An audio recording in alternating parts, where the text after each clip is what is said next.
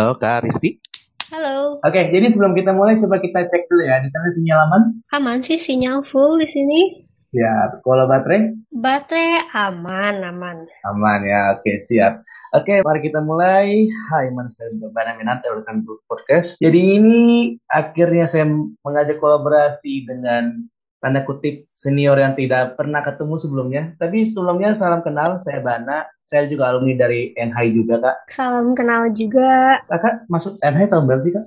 Masuk STP itu 2009. Jadi, Kakak silakan intro saya karena diri Kakak siapa namanya, usia berapa, dan saya kesibukan lagi ngapain, dan ini asal ya harus banget ya.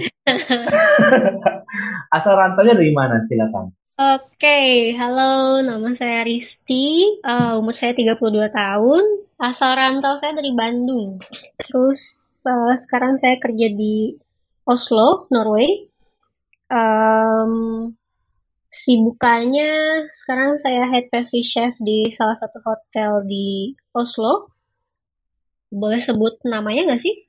Udah Oslo aja udah cukup sih kak.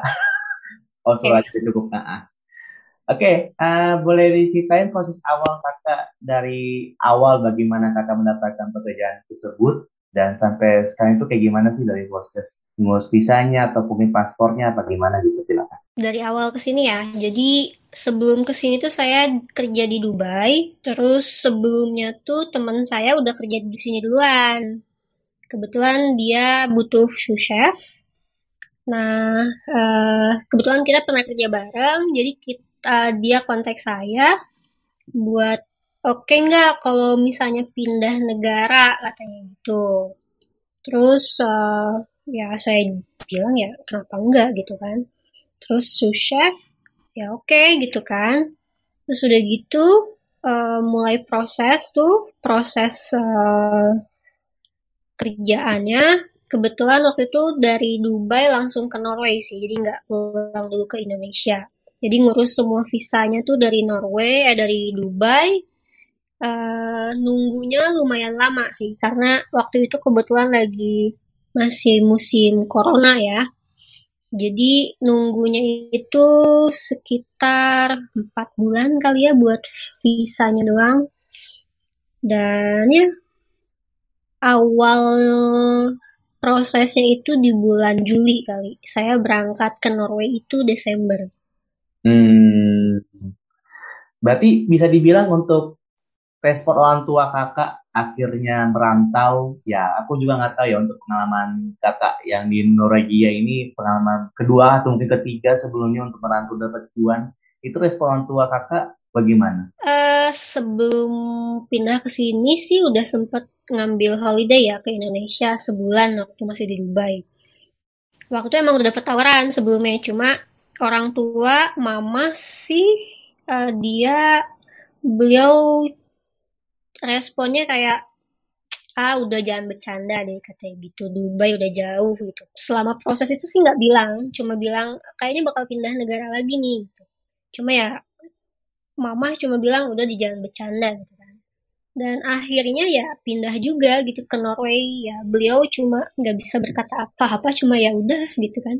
Karena emang udah dari enam tahun itu emang jauh dari Indonesia, nggak di Indonesia, jadi ya beliau sudah mengerti anaknya pengennya jauh-jauh gitu kan jadi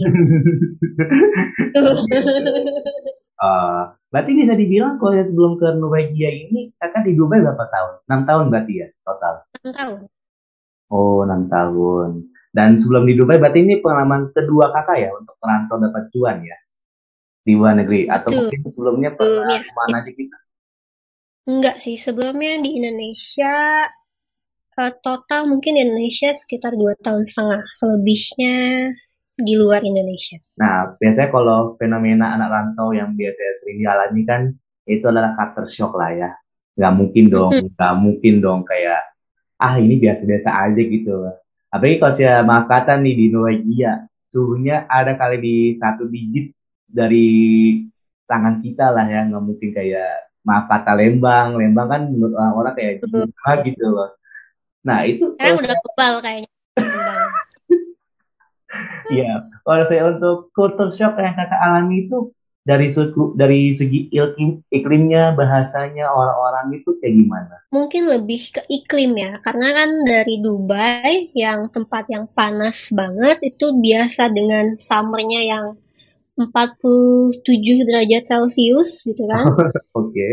Indah ke tempat yang dingin banget, yang di mana bisa nyampe pertama winter di sini tuh minus 15 gitu kan. Oke. Okay. Jadi udah kayak yang shocknya tuh banget banget gitu. Karena biasa dari yang panas langsung ke yang dingin gitu kan. Cuma selebihnya orang-orangnya sih alhamdulillahnya ya dari awal nyampe sini tuh ketemunya sama orang yang baik. Emang banyak orang yang bilang tuh kayak oh orang Norway itu dingin-dingin gitu kan, kayak iklimnya cuma so far sih saya ketemu sama orang yang baik-baik ya. Jadi buat orang-orangnya sih oke okay. buat saya meskipun mereka emang orangnya tuh uh, introvert banget cuma it's okay gitu kan dan untuk bahasa saya masih belajar sih karena mereka kan uh, untuk daerah Europe or Scandinavian itu dia punya bahasa sendiri cuma Norway itu mereka bisa bahasa Inggris juga jadi agak sangat membantu sih. Kalau saya untuk makanan itu aman berarti ya?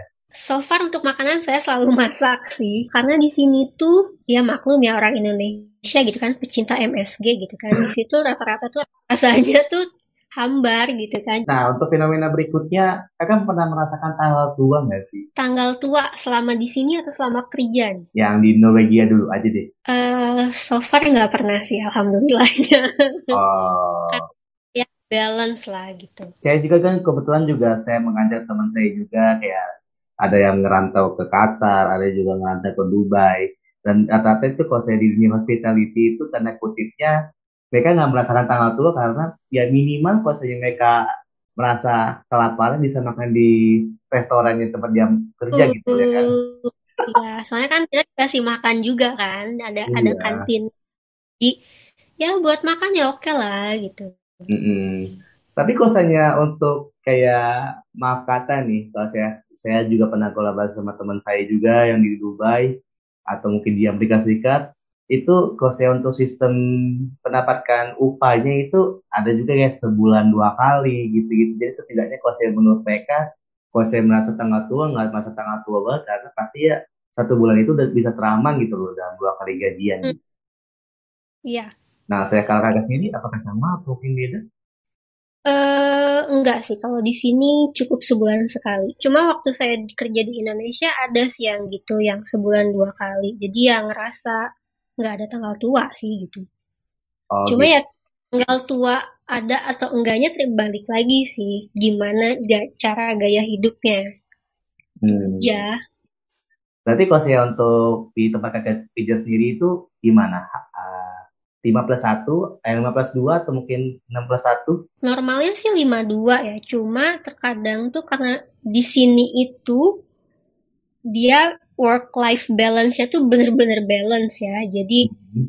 uh, bener-bener punya waktu khusus buat diri sendiri gitu. Jadi kadang kalau di tempat saya kerja nih uh, sistemnya itu minggu pertama sama minggu ketiga itu liburnya satu hari dan minggu kedua minggu keempatnya itu tiga hari hmm. Tuh.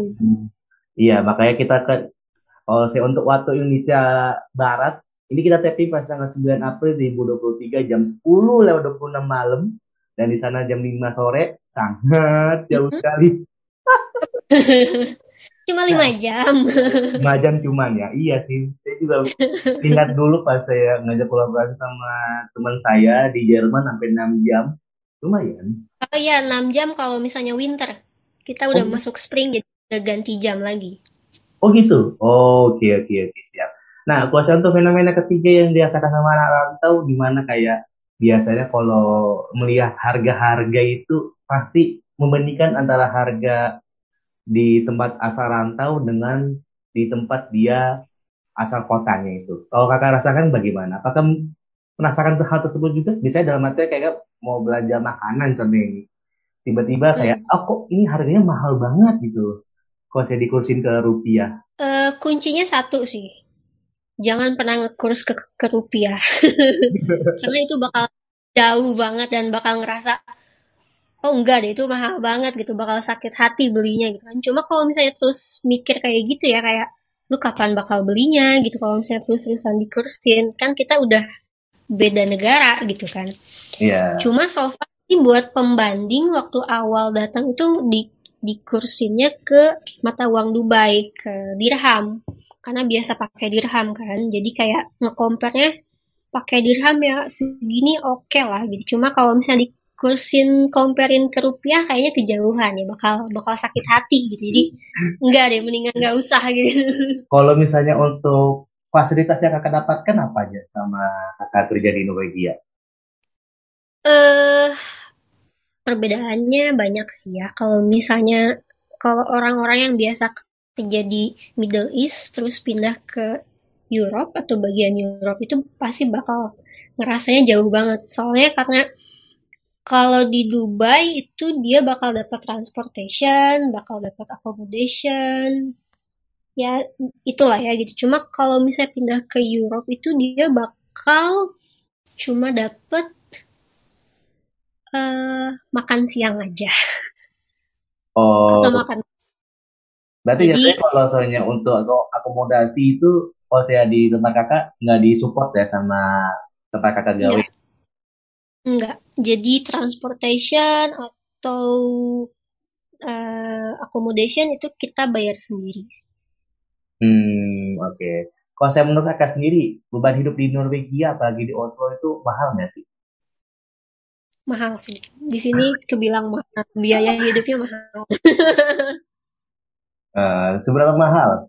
Ibaratnya nih ya, kalau misalnya holiday atau vacation keluar Norway, let's say ke Prancis, Italia, atau daerah mana pun itu di luar Norway, itu bakal berasanya murah banget. Hmm, kalau saya untuk makanan Betul itu, komplit. itu, kalau saya makanan pokok atau mungkin kayak eh ya minimal kayak makan makanan yang makanan pokok itu gimana? Mahal, mahal atau murah? Mahal sih, semuanya mahal di sini. Iya, iya, iya, oke, oke. Nah, tadi kan kakak bilang kan untuk dunia pekerjaan kakak kan seharusnya kan 5 plus 2 gitu. Nah, so pasti kan Mm-mm. kalau saya untuk dua hari libur, pastinya nggak mungkin dong kalau saya untuk anak rantau tidak mempergunakan dengan sebaiknya minimal kayak buat jalan-jalan gitu. loh. Nah, sama kakak ngerantau di Norwegia ini kakak udah pernah ke mana? Pernah ke mana kalau di Norway-nya sendiri sih ke Bergen waktu itu. Terus kalau misalnya keluar dari Norway sih pernah ke Barcelona, ke Prague, ke Amsterdam. Ya itu sih yang seingat saya itu sih. Hmm, oh ya. Tapi kalau saya untuk menurut kakak sendiri, kalau saya di Norwegia itu banyak nggak sih destinasi wisata? Eh, banyak sih kalau misalnya Norway itu kalau misalnya orang-orang yang cocok atau suka sama nature, cocok sih pindah ke sini. Hmm, nature-nya mana dulu nih? Anak pantai atau anak gunung? Eh, gunung. Oh, Soalnya anak dia lebih hiking, lebih ke ya begitu-begitulah, hutan, Hmm, gunung. Terus kalau misalnya suka sama winter sport juga, ya cocok sih Norway. hmm. Kalau saya untuk suhu, itu eh, suhu paling dingin dan suhu paling panas yang akan rasakan di Norwegia itu suhunya berapa? Suhu paling dingin minus 16 waktu sempat nyampe sih. Suhu paling panas eh summernya di sini tuh berapa ya? 27 apa? Tapi itu masih dingin sih. Hmm, Karena kalau setuju ya. windy. Dia eh mataharinya cuma kamuflase lah. Oh, numpang lewat ya. Numpang lewat. Dia ada matahari cuma ya masih windy dingin gitu lah. Oh, suhu-suhu Lembang berarti ya. Iya betul. Cuma kalau buat orang Norway-nya sendiri suhu summer segitu mereka panas. Hmm, panas. Makanya orang-orang bule kayak ke Lembang gitu kayak pakai celana pendek ya bodo amat udah kayak summer ya gua biasa aja. Oke, oke, oke. Nah, buat tujuh, buat mereka panas, buat saya sih biasa aja ya. biasa aja ya. Oke. Nah, Hmm. Kalau saya untuk destinasi wisata di Norwegia, tadi kan sudah sebutin kan kalau saya untuk eh, wisata di sana kan lebih banyak ke tanda kutip anak gunung lah ya. Paling kakak Hmm. pernah nggak sih kayak ke suatu destinasi wisata, tapi kalau saya untuk aksesibilitas ke sana itu susah banget gitu loh. Itu pernah pernah pernah nggak? Atau kalau saya udah pernah, itu kapan dan itu mau ke mana? Belum sih, nggak pernah nemu sih so far ya. Yang eh, susah gitu fasilitasnya enggak sih. So far lancar-lancar aja sih. Tapi kalau saya kita lihat di peta lumayan kecil ya kalau saya untuk skala Norwegia gitu. Kalau saya menurut kakak itu bisa dikelilingi berapa lama kalau saya untuk Norwegia sendiri gitu. Dia kecil cuma gimana ya kalau compare sama Indonesia sih jauh ya. Seminggu nggak cukup sekitar dua apa tiga minggu lah. Tergantung sih, tergantung carinya apa dulu gitu. Soalnya tiap kota itu beda cerita. Oke, mungkin untuk menutupi episode pada kali ini, kakak coba kasih kesan, kesan kakak untuk menjalani peran sebagai anak rantau untuk melakukan cuan di Norwegia dan juga bisa jadi pengalaman kedua untuk mencari cuan di luar negeri, itu bagaimana kesannya? Dan coba kakak kasih pesan pada anak rantau sesuai dengan pengalaman kakak yang kakak rasakan. Oke, kesannya itu cari kerjaan tuh emang susah kan, tapi ya dap alhamdulillahnya dapet di luar Indonesia, jadi ngerasanya kayak oh iya gitu kan, ngerasa bangga ada, cuma ya jauh dari orang tua, dari keluarga, jadi ngerasa bimbang juga, cuma di sisi lain kayak ya peluang juga buat buat bisa jalan-jalan ke sana kemari, jadi kan ya oke lah gitu. Cuma ya ya itu sih di sini orang Indonesia itu nggak nggak banyak.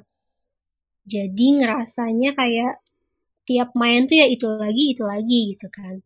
Cuma jadinya jadi kayak ngerasa kekeluargaannya tuh dapet aja gitu. Tuh kalau pesannya buat anak-anak muda nih yang masih mencari jati diri atau cari kerja mau di mana pun itu, mau di Indonesia ataupun di luar Indonesia, jadilah yang terbaik.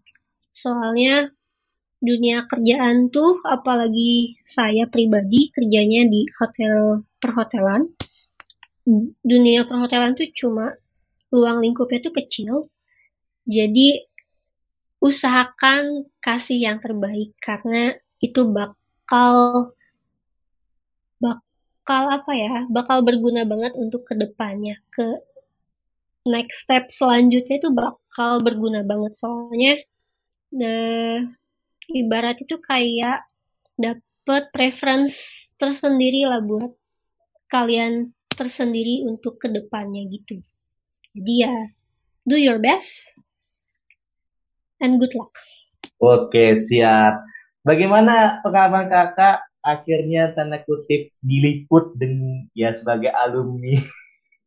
Ya saya saya juga akhirnya juga melihat juga apa uh, referensi juga dari kampus kita juga di SMP NAI Bandung. Sekarang namanya sudah ganti. Itu gimana rasanya? ya, oh tiba-tiba tiba-tiba di highlight aja gitu? Uh, mungkin gara-gara Instagramnya hotel saya juga kali ya ngepost si video Easter itu dan terendus dengan kampus saya juga agak kaget sih. Soalnya kayak bere hari itu hari saya libur terus banyak notif masuk bla bla bla. Jadi kayak oh udah nyampe kampus juga nih beritanya gitu kan. Terus nggak lama dari To Be Production ini kontak saya juga gitu. Jadi kayak oh udah sejauh ini ya gitu sih videonya viral itu gitu kan. Itu cuma sebongkah telur gitu kan cuma good good